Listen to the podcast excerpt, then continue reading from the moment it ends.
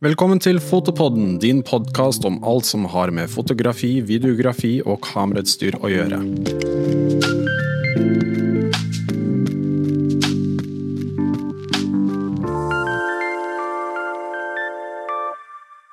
Forespørselen for levering av gode videoer øker, og mange fotografer der ute svarer på denne forespørselen ved å tilby videoproduksjon i tillegg til fotografering. Selv om mange kameraer nå tilbyr god kvalitet både på fotografering og video, så er det fortsatt to forskjellige fagfelt, og overgangen kan være vanskelig for noen. En som har gjort suksess ved å etablere seg i både foto- og videobransjen, er dagens gjest, Isodor Aastrøm. En av Norges fremste reklamefotografer.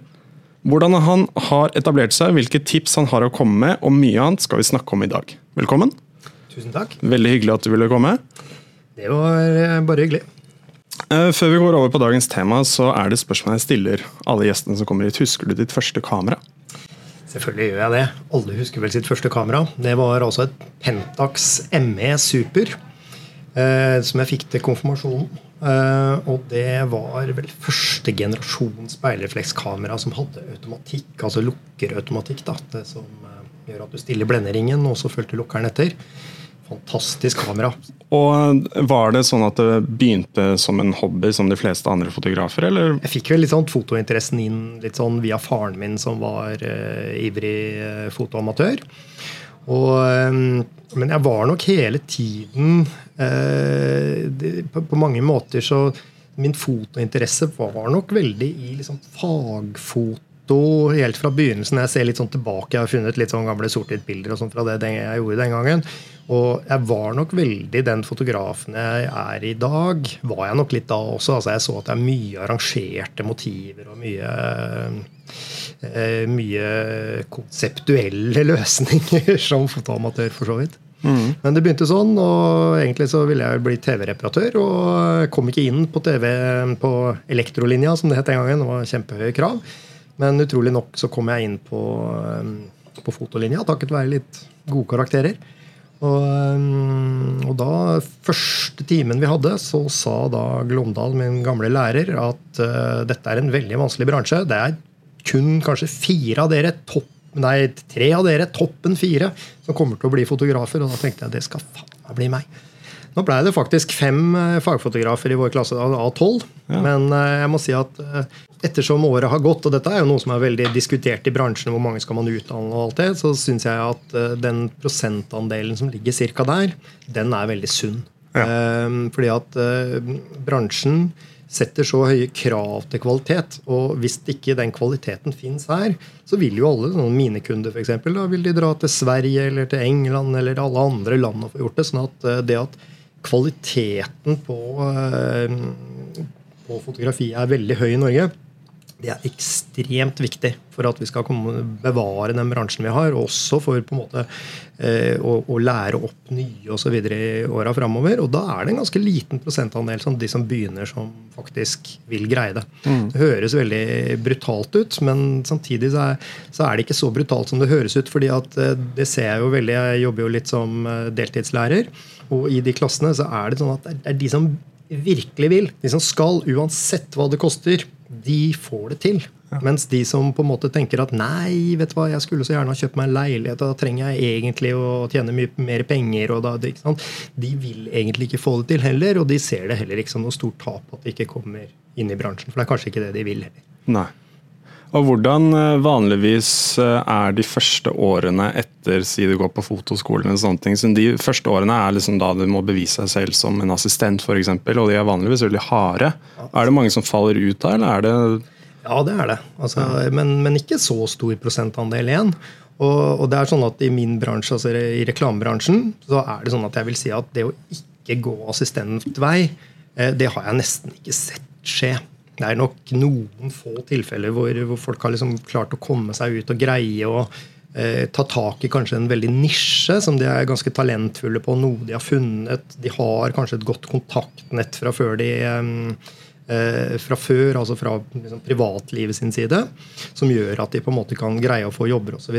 Men de aller aller fleste må liksom gå den assistentveien. for Eh, det du lærer på skolen, det er ekstremt nyttig, men det er ikke så nyttig på kort sikt. Det er mer nyttig på lang sikt. Eh, det merker alle som på en måte har vært igjennom den mølla her, vil gjenkjenne det jeg sier nå. At det du lærer på skolen, det er først og fremst noe du får brukt for kanskje etter at du har jobba fem år, eller ti år, eller 20 år, eller 35 år, som jeg har, for den saks skyld. Eh, det er da den kunnskapen virkelig er viktig. Mens den, det du lærer når du på en måte assisterer, det er de veldig hands on tinga som du trenger nå. Hvordan i all verden skrur jeg en C-stand opp i været? som høres ut som enkle, basale ting, men det er så mange av dem. Ja. Sånn at eh, alle som, eh, alle som, går på skolen og som har vært ute og liksom gjort én, assistert én dag, de kommer tilbake og liksom 'Å, jeg lærte mer på den ene dagen enn jeg har lært på halvannet år her på skolen'. Men det har man altså ikke. Det er noe som føles sånn der og da. og du er, du er, flink til å ta på assistenter, har jeg skjønt? At du liksom Ja, jeg har eh, hatt tror jeg at jeg er på assistent nummer 23 nå. Ja. Men husk at det er gjennom veldig mange år. Da. Siden jeg etablerte meg i 94, starta for meg sjøl, så er det ganske mange år. Og i, til tider har jeg hatt to av gangen. Sånn at det er, og noen har jobba veldig kort, for de har funnet ut at nei, dette her jeg, jeg eh, vasker heller toaletter enn å jobbe i Studio Isidor. Eh, som jeg skjønner egentlig veldig godt. Jeg er mer overraska når folk blir. Men, eh, men, eh, så noen er veldig kort tid. Mens, eh, men jeg er egentlig ganske stolt av at jeg har hatt flere assistenter jeg har hatt i over fem-seks år. Og det er, ja. det, da føler jeg at da har det ikke vært så verst arbeidsplass. da. Gjør du en sånn type test de første dagene og på en måte ser om de er dedikert eller ikke? jeg er jo veldig heldig. I og med at jeg jobber som deltidslærer på Bilder Nordic, ja. så kan jeg jo selvfølgelig liksom se an hvordan folk er. For det kan jo være folk som er ekstremt flinke, ekstremt talentfulle osv., men som ikke nødvendigvis er veldig velegna assistenter. Det å være assistent er en ganske spesiell oppgave. Du skal, du skal hele tiden på en måte, Det snakker jo Marius litt om i tidligere podkast. Ja. At eh, du må hele tiden vite hva det kommer til å bli et spørsmål om nå. Det vil si at når, når fotografen står der med et ark i hånda og ser seg rundt, så er det sannsynligvis en saks man trenger. ja, eh, eh, sekundært kanskje teip. Ja. Sånn at det, det, og noen egner seg til den type jobb, andre egner seg ikke så godt til den type jobb. Sånn er det bare. Og, og jeg pleier ofte da å, å, å leie inn folk liksom på dagsbasis litt sånn når man trenger det liksom i en periode, for å se an hvordan det liksom funker der. Mm. Da, da, er det noen som alltid skiller seg veldig ut med at de står med den saksa i hånda lenge lenge før du har tenkt tanken at kommer jeg til å trenge en saks. Ja. Og det er, det er, jo de selvfølgelig som er de mest populære assistentene. Ja. Og hvis man tenker litt over det, er det vanskelig å bli den personen, selv om du kanskje ikke er det helt fra naturen sin side? Jeg vil si at det er absolutt noe man kan lære. Det dreier seg om å ikke sette seg ned og hele tiden på en måte følge med på hva som skjer, istedenfor å liksom kanskje gå inn på og sette seg ned med Facebook i sofaen, eller noe sånt, som jeg har hatt mange innleide folk som faktisk har gjort. Ja, ikke sant. De kommer jo aldri tilbake. Og jeg er også ganske nådeløs sånn i forhold til at hvis du, hvis du kommer ti minutter for sent, så får du aldri sjansen igjen. Nei. Såpass, ja. Så det vil si at 'å nei, bussen min ble forsinka'. Sånn, Du tar en buss som gjør at du i utgangspunktet kan gå av den bussen og gå resten av veien. Hvis det er sånn når du skal ja. ut på en jobb. Det er sånn vår bransje fungerer. Det er fullstendig krise. Hva hvis jeg hadde kommet for sent? da? Skulle stått et svært team der og kunder. og Det koster så mange mange tusen kroner per time. Det er jo selvfølgelig det er helt utelukka. Samme gjelder hvis du, hvis du skulle ut og fotografere et bryllup, f.eks. Vil du liksom tenke den tanken at nei, jeg tar den bussen som gjør at jeg er der akkurat akkurat tiden. Du, du, gjør jo ikke det. Det er jo sånn, Jeg har fotografert noen få bryllup i mitt liv, og jeg er jo gjerne der på en måte, sånn, nesten kvelden før står jeg utafor den der kirken og venter. ikke sant? Og det er, du, Man kommer ikke for sent. Man, eh, jeg har ikke noe problem med at folk gjør feil. Mm. Alle gjør feil, og jeg gjør masse feil. Sånn, alle gjør feil, men, eh, men, når det går på sånne basiske ting som går på liksom innsats, planlegging, de tingene der, da, da er ingen humor. Mm. Jeg har også sagt det husker jeg, til, til noen, at eh, på, på, skolen så får du jo beskjed hvis du gjør en feil, hvis du kommer for sent. og sånne ting. I bransjen så får du ikke beskjed i det hele tatt. Du blir, aldri ringt igjen. Helt riktig. Og det er jo den også at liksom, Si det er oppstart klokka ni, så skal du jo være klar klokka ni. Du skal ikke være der klokka ni. Nei, du er ikke der ni, du er der Nei. halv ni. Ja, mm. i tilfelle. Og du, du jobber jo mest eh, veldig mye med matfoto, eh, som jeg ser. og Hvordan kom du inn i det feltet? Nei, altså, jeg begynner på begynnelsen. Hvordan jeg kom inn i mat, det er, det er på mange måter helt tilfeldig. Jeg, eh, det, og det, det, er noe jeg også prøver å si til unge fotografer hele tiden. Det er at du må, du må liksom forberede deg på å kunne ta absolutt alle jobber. For man veit aldri hvilken vei vinden blåser. Du må gjerne ønske å bli motefotograf, og jeg vil jobbe med mote, jeg vil jobbe med klær, jeg vil jobbe med makeup osv. Men når du har en onkel på Sunnmøre som driver en eh, rørstumpfabrikk, som da ringer og kan tilby deg på en måte hundrevis av tusen i året ved at du gjør katalogen av han, så er det veldig greit å ha litt greie på hvordan du fotograferer rørstusser. Og jeg kan si at i den tiden hvor jeg mm, etablerte meg, så var det ganske annerledes enn det det er nå. For den gangen så gjorde vi alt. Vi hadde en kunde, vi hadde liksom denne karen i reklamebyrå, han uh, bruker meg.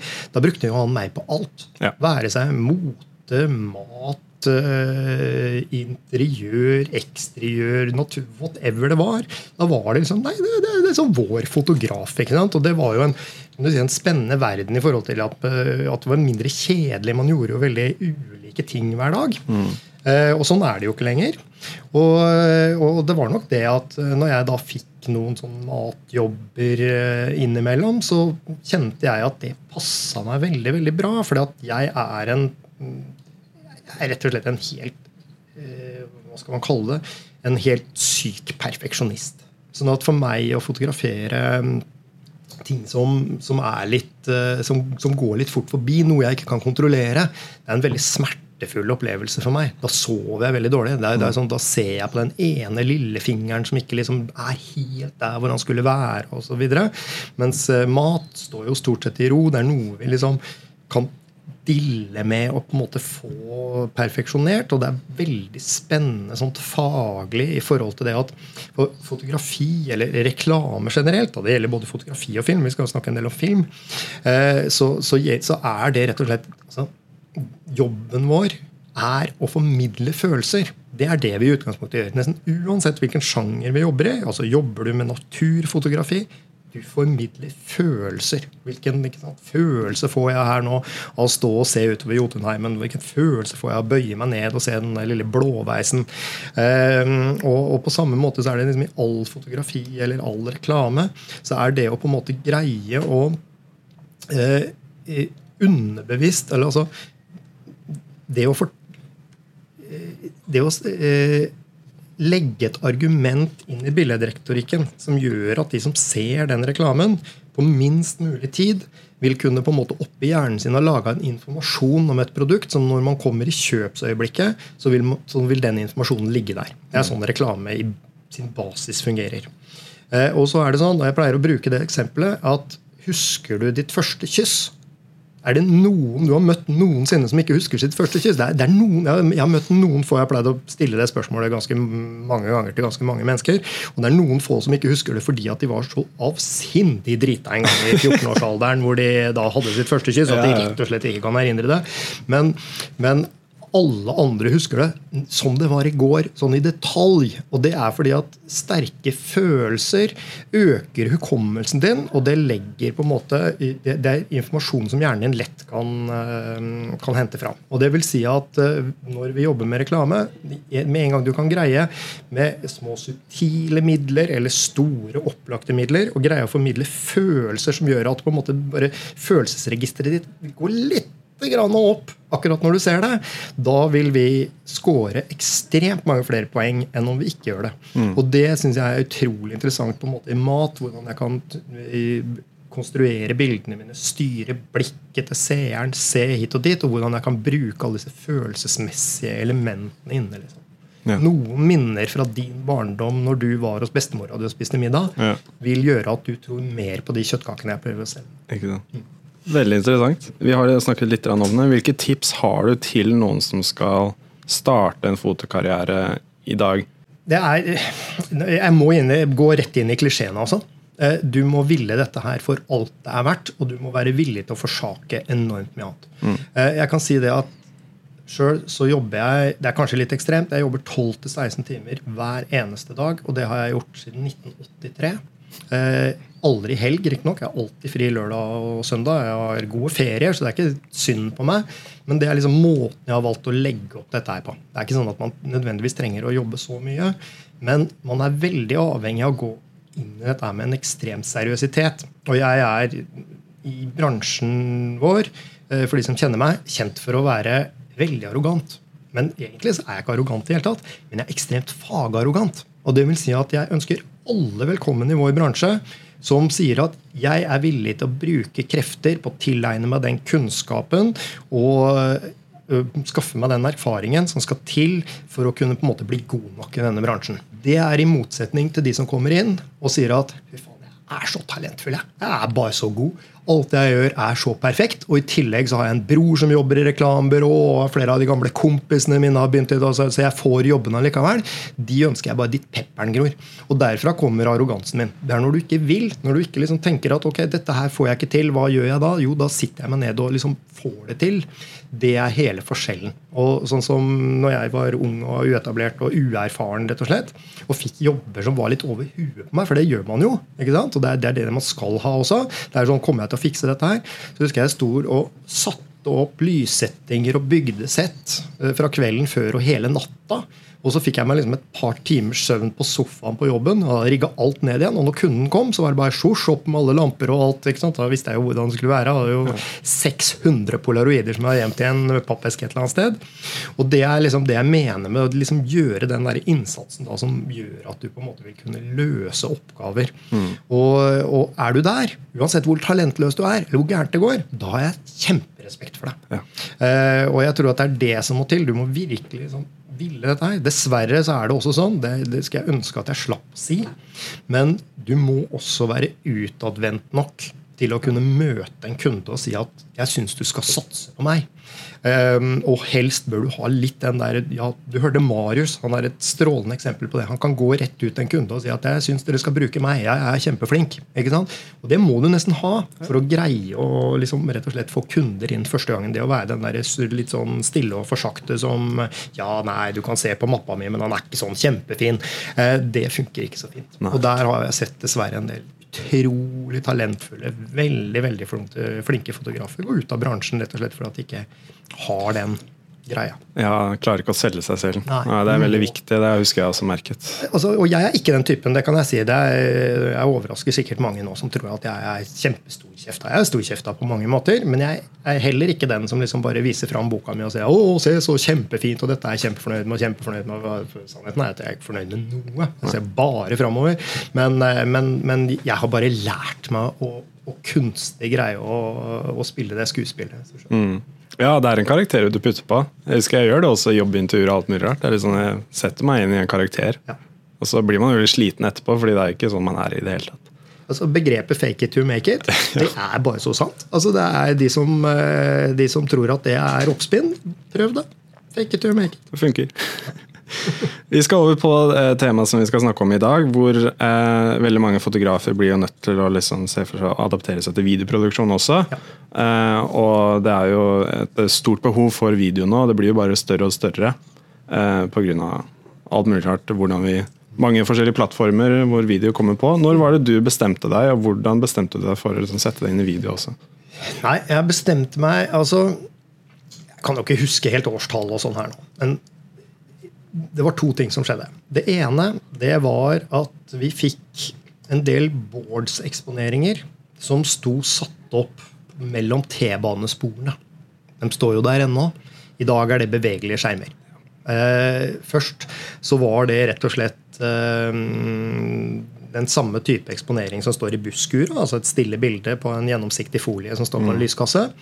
Eh, og jeg tenkte tanken av at det kan ikke være lenge før flatskjermer er eh, gode nok og billige nok til at man kan sette det mellom T-banesporene. For når du har sett en fyr stå med lift og bytte de på mandag morgen, så tenker du at dette er jo ikke liv laga. Sånn at jeg så for meg at det kom til å skje, og vi, jeg gjorde da og gjør for så vidt mye fremdeles, mye utendørsreklame. Og dermed så tenkte jeg at da gjelder det å være forberedt på de flatene kan begynne å leve. Og så, og så, var det det samme med Facebook. Jeg var ganske overbevist om at Facebook etter hvert ville komme med en reklamemulighet. Eh, og jeg tenkte at det kommer ikke til å komme som bannerannonser, sånn som det egentlig gjorde helt i begynnelsen. Men som på en måte mer poster, sånn som du fremdeles har i dag. Og jeg tenkte også at det kommer også til å være bevegelig. Og da, Det var da jeg egentlig begynte å, å fifle litt med dette her, og fifle med tankene osv. Og, så ble jeg også litt lurt. Det er egentlig en litt god historie. For at jeg var ute og snakka med noen filmfolk, og det hadde jo kommet et kamera som het 7D. Ja. Canon 7D. Eh, som var en av de første liksom, hva skal jeg si, gode videokameraene som sådan. Ja. Og de hadde fortalt at de hadde jo filma en, eh, en TV-serie på dette her kameraet. Drev og, drev og filma en TV-serie med kamera der, og det var jo helt rått. Og det var liksom, å, det var så bra, og. Og da tenkte jeg at ja, ja, nei, men da er det jo bare å gå i gang. For det å på en måte gå i gang med film for meg til digitale plattformer, internett osv. med et 35 filmkamera fra norsk film og med tilhørende crew og, og lamper. Det var jo helt uaktuelt, selvfølgelig. Sånn at, eh, men når man på en måte liksom fikk den muligheten til å gå inn i det digitalt, så var det plutselig interessant. Og da kjøpte jeg en 7D og satte i gang med dette. Det de ikke hadde fortalt meg, riktignok, det var jo at i den serien som da heter Dag, som man vel kan gå inn og se, der kan du jo legge merke til at alle vegger er grå. Eh, alle vegger er blinda, blenda med rullegardiner og osv. Eh, dressene er grå, skjortene er grå, slips er grått, sko er grå. Alt er grått. fordi at eh, det man har gjort, det Kameraet har ingen dynamikk. Eh, sånn at når jeg satte i gang med de første jobbene med det, så, så kjente jeg at det funka ikke for meg. Nå har jo dette, disse tingene blitt veldig mye bedre, selvfølgelig. Men eh, da eh, tenkte jeg også at dette må jeg bare i gang med. Så da, da satte jeg meg ned og bestilte min første Redd fra USA. Mm. Og det viste seg å være veldig lønnsomt etter hvert. Og der var det mye investering av utstyr, som du brukte jo sikkert da uh, Blitz, eh, ser jeg for meg, på starten, og så etter hvert gikk over på LED-lamper. Så det er jo to forskjellige Ja, altså det, det som jeg gjorde, var at uh, jeg det som er at Dette kommer veldig an på hva slags utgangspunkt du har. Fordi at film er så mangt. Og la, hvis vi begynner litt i andre enden da, og sier at nå, nå, har vi en situasjon i dag hvor man har ekstremt mange forskjellige eksponeringsplattformer. Og det er jo sånn vi fotografer også merker utrolig godt. er at Når vi liksom, kunden kommer, så er det sånn uh, Ja, forresten, vi skal ha denne filmen i 16.9 for YouTube. Og så skal vi ha den i 9.16 for Snapchat og Instagram Stories. Og så skal vi ha én-til-én på Facebook og på Instagram. Ja. Og så, hvis vi er skikkelig heldige, så skal de ha noen utendørseksponeringer som har noen sære, rare formater, sånn som man har på Oslo S for eksempel, og sånne type ting. Og, og, og, man vet liksom, og man må hele tiden forholde seg til det at man skal produsere den samme i ganske mange formater. Men, men, i den situasjonen her så har vi jo på en måte så ulikt innfallsvinkel i forhold til hva, vi på en måte, hva slags jobber vi jobber med. Og sånn som for meg, da, som på en måte sitter med en kundebase som var veldig store, tunge annonsører, som er vant til å på en måte jobbe med video gjennom eh, store produksjonsbyråer, store, tunge dyre millionproduksjoner osv., så, videre, så visste jeg at jeg var nødt til å få kvaliteten opp på det nivået som de kunne akseptere, før jeg egentlig kunne tilby varen. Mm. Så det gjorde at jeg måtte ta en, en del investeringer med en gang, bl.a. Redden. Eh, som strengt talt den gangen kosta 100 og et eller annet tusen. Det var ikke noe stor, en stor investering, mm. egentlig. Eh, ikke sånn i, i, min verden da, i hvert fall. Eh, men da begynte jeg altså på varme lamper, dvs. Si halogenlamper. Halogenlamper er relativt billige lamper, og man kan få brukt. Og det, er, eh, det blir bare fryktelig varmt i studio. Men der begynte jeg, og etter hvert som, jeg, som dette har begynt å generere penger, så investerte jeg mer i større HMI-lamper og LED-lamper og sånn som har begynt å ja. bli ganske bra nå. da. Men for, men for andre typer jobber, som er kanskje mer eh, ute, mer reportasjelignende og sånn, da bruker man jo kanskje mye lettere utstyr igjen. Ja.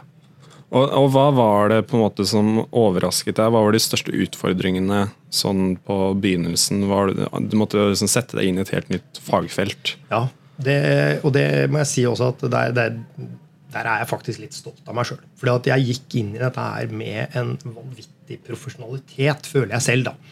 Eh, og det var at jeg begynte rett og slett å studere. For dette, la meg si sånn, vi kan, vi kan, skille litt mellom to typer her. Det ene det er jo typisk sånn som jeg, som jeg ofte kaller for, um, for uh, levende stills.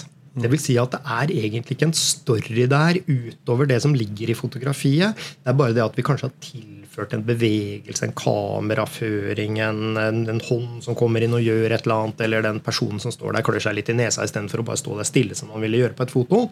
Det er liksom den ene. Den trenger jo ikke noe storytelling utover på en måte det du kan fra fotosiden. Men så ble det sånn for oss at vi, at vi fikk jo en del an, ganske mye andre jobber og ganske mye TV-reklame også. Og da ble det på en måte mye mer behov for det å liksom kunne greie å bygge opp disse historiene. Greie å finne, lage klipp som klipper sammen. Greie å få det kort nok. Det er jo kanskje den største utfordringen vi har. At vi får jo en story tilsendt på mail som i utgangspunktet tar fire minutter. Og så er det sånn ja, vi skal ha 20 sekunder på TV. Og, da, og, og, og, de bitene her er vanskelig. Så jeg studerte utrolig mye. Jeg husker Kona mi var vel nesten litt sånn lei, for at all fritid jeg hadde, og det er jo ikke så mye, som du mm. hørte i stad, så uh, brukte jeg på å studere film og studere film. Jeg gjorde, jeg gjorde notater, og det studerte ordentlig, altså. Men det gjorde også at jeg på en måte var rusta til å gå inn og, og gjøre bedre jobber. Ja. Og så I tillegg har du det med verktøyene. selvfølgelig. Det å klippe type, det å ja. greide, det å mastre de utfordringene der, som kanskje jeg vil si, de er den enkleste biten. Fordi at Det å lære seg premier, hvordan fungerer det, hvordan kan jeg ta inn et klipp, hvordan kan jeg sette et innpunkt, hvordan kan jeg sette en utpunkt, det er ikke det vanskelige. Nei. Det vanskelige er hvordan klippe. Hvordan er, et godt, hvordan er et godt klipp? Hva er tempo i klippen min? Hvordan passer ja, det med lyden? Liksom, ja. hvordan, passer, hvordan påvirker det følelsene mine? Disse tingene her det var jo det jeg først og fremst var opptatt av å kunne studere. Mm. Hvordan går du frem da når du sier du har eh, et produkt du skal ta bilder av, du har en shoot? Fordeler dere opp at dere tar bilder først, og så video, eller gjør dere det litt samtidig? Du, det er der er det nok like mange svar som vi har oppdrag. på noe vis. Noen ganger så, eh, så, eh, så filmer vi først. Og når da det klippet sitter, så skyver vi inn kamera. Vi har veldig ofte vi har sånne svære søylestativer eh, med lange armer på. Det er veldig ofte vi har en situasjon hvor vi har videokamera på én eh, søyle og eh, fotoapparatet på den andre søylen og skyver ett ut og ett inn og merker med teip osv. Så videre, sånn at vi får liksom nøyaktig samme sted. Eh, det gjør vi relativt ofte, spesielt hvis sett settene er komplisert å bygge. Det er lang tid å bygge settene. Andre ganger så filmer vi først, og når vi er ferdig med å filme, så fotograferer vi.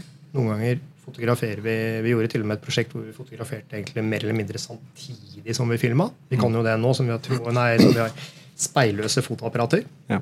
Jeg vet også at i studioet deres så gjør dere veldig mye inhouse at det gjelder liksom alt fra predproduksjon produksjon og postproduksjon. Hva er eh, fordelene og ulempene med å gjøre det? Så du ender jo opp med å på en måte slippe å kommunisere ut. Det er ingen ulemper. Eh, forutsatt, at, eh, forutsatt, at, kunden stoler på det.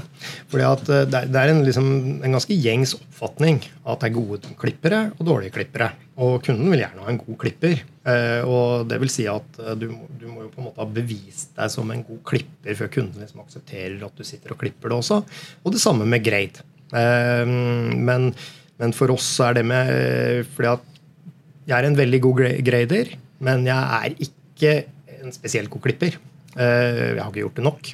Men våre prosjekter er veldig lineære. Mm. De er veldig klipplistebaserte. Dvs. Si at vi har klipp 1 er sånn, klipp 2 er sånn. Det er ikke noe sånn at vi sitter og måtte, må lete gjennom materialet og prøve å liksom rebygge historien, sånn som man veldig ofte gjør i klippen. Um, sånn at, uh, at, det dreier seg mer om å finne på en måte de rette dette punktet og dette punktet. Og det er jo uh, veldig ofte liksom regissørstyrt og kundestyrt i utgangspunktet hos klipperen også. Sånn at eh, det um, fungerer veldig fint. Og alt er jo også veldig nøye planlagt fra før? Alt er veldig nøye planlagt. For at jeg kan si at Den store fordelen med å gjøre disse tingene her innen house, det er penger. En veldig stor del av prosjektets penger ligger i etterarbeid. Og ja, kanskje for noen prosjekter så mye som halvparten. Og det vil si at eh, ønsker du da liksom sende de pengene ut, for det er det du utgangspunktet gjør når du ja. på en måte bruker eksterne til det, fordi at du på en måte ikke syns du hadde den tiden til å sette ned og leie det. Hvis du ikke evner å leie det, er det noe annet. Men hvis ja. du har tid til å gjøre det, så selvfølgelig gjør man det. Og det er, det, er, det er, verdt en investering, med andre ord. som du sier. Det er verdt å liksom sette seg inn i og, og, og, Jeg tror det er få ting man kan tjene så mye penger på som å sette seg ned med et uh, online-kurs på Premieria. Ja. Veldig, veldig bra. Og uh, igjen, da, som hvis uh, til noen fotografer der ute som vurderer å sette seg inn i videoproduksjon, men er litt sånn usikker, hva er det Du har jo egentlig oppsummert det ganske fint, da, men de burde egentlig starte med bare å sette seg inn i ja, det. Ja, jeg tror at det, det, det, det, man egentlig kan begynne med, det er jo på en måte gå inn i, i, i det tekniske på dette her. Altså hvordan bruker jeg videokamera. Og der er det sånn, der jeg ser at det kanskje liksom skorter litt, da, det går på den rene grip-delen av det. Bare for å forklare det begrepet for de som ikke kjenner det, så er jo grip liksom det som kameraet sitter fast i. Uh, og det vil si at uh, Er det et stativ med et hode som du beveger på? Eller er det et, uh, en skulderrigg? Eller er det en jib? Eller er det en skinne som beveger seg? ikke sant? film har kamerabevegelser. Og, og, jeg må si det at en, en fin sånn liten tommelregel som man kan holde på dette her, det er at hvis jeg har et bilde som er stillestående, det skjer ikke så mye i bildet mitt, da er det viktig med kamerabevegelse. Mm. Jeg har et bilde som, eh, som har veldig masse action i seg da er det mye mindre viktig med, med kamerabevegelse, med mindre man skal ønske å bygge stress osv. Du ser f.eks. i liksom, krigsscener i Game of Thrones og sånn, så ser du at liksom, man har ikke et stillestående kamera som filmer disse slåsskampene. Kameraet rister på en måte like mye som alt annet for ja. å gi deg følelsen at du er der. Ja. Men det å sette seg inn i på en måte disse mulighetene man har i forhold til hvordan skal vi bevege dette kameraet, hvordan påvirker det oss, uh, om jeg på en måte går nærmere med kamera, går lenger ut med kamera. ikke sant? Eh, hvordan på en måte psykisk påvirker det oss. Så det tror jeg er et fint, eh, fint utgangspunkt å gå inn i. Liksom, eh, begynne å øve på liksom, de tekniske aspektene sammen med at man på en måte går inn i storytellinga og tenker at hvordan, hvordan kan jeg gi på en måte denne videoen en merverdi mm. utover hva jeg ville hatt hvis jeg bare hadde et stillbilde.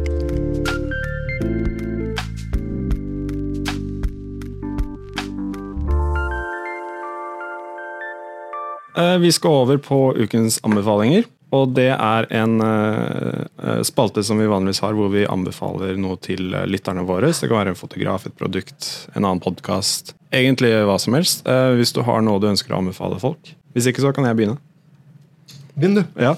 Det er en YouTube-kanal, og det er litt sånn med tanke på det vi har snakket om i dag, om en opplæring av video, og veldig sånn enkle videoer, tutorials osv. Og det er en veldig sånn kul fotograf også. Han er en av de største på YouTube i det feltet her, og det er Peter McKinnon. Som er sånn, Han lager sånn vlogger alt mulig rart også, men han lager veldig mye sånn produktanmeldelser om nye kameraer. og eh, lærer basics i, i Premiere og sånne tips og triks som du ikke visste at du burde kunne. Og så, videre. så han er en uh, kanal som man burde sjekke ut hvis man har lyst til å lære seg litt mer om video. Har du noe du ønsker å anbefale? Nei, jeg, Nå kjente jeg at jeg ble målløs her. også. Kan jeg si jobbe hardt? Jobbe hardt. Eh, kan ja, jeg si absolutt. ikke kjøp ny bil, kjøp, invester i utstyr. Mm. Veldig viktig. Veldig. Kjefta på mye fotografer opp gjennom tiden. Nei, jeg har ikke råd til dette kameraet som egentlig kunne løfta meg opp på den kvaliteten. Eh, og så videre. Men utenfor så har de en flunkende ny blank bil. Og da tenker jeg sånn, hva i all verden skal du med bil? Og det fins jo ikke noe mer utrendy i dag enn å ha bil. Det er jo eh, Jeg kjører jo lange omveier for å prøve å ikke bli sett når jeg kjører bil. Det er en bra anbefaling. Uh, invester. I, uh, Invester i det du kan tjene penger på, ja. istedenfor uh, noe du kan kjøre rundt i. Gå busser. Veldig bra. Eh, tusen takk for at du tok deg tid til å komme. Og eh, hvis folk har noen temaer, noen eh, forslag om gjester som vi skal ha på podkasten, så er det bare å si ifra. og Følg oss på alle sosiale medier. På Facebook, YouTube og Instagram. Og så ses vi neste uke i en ny episode.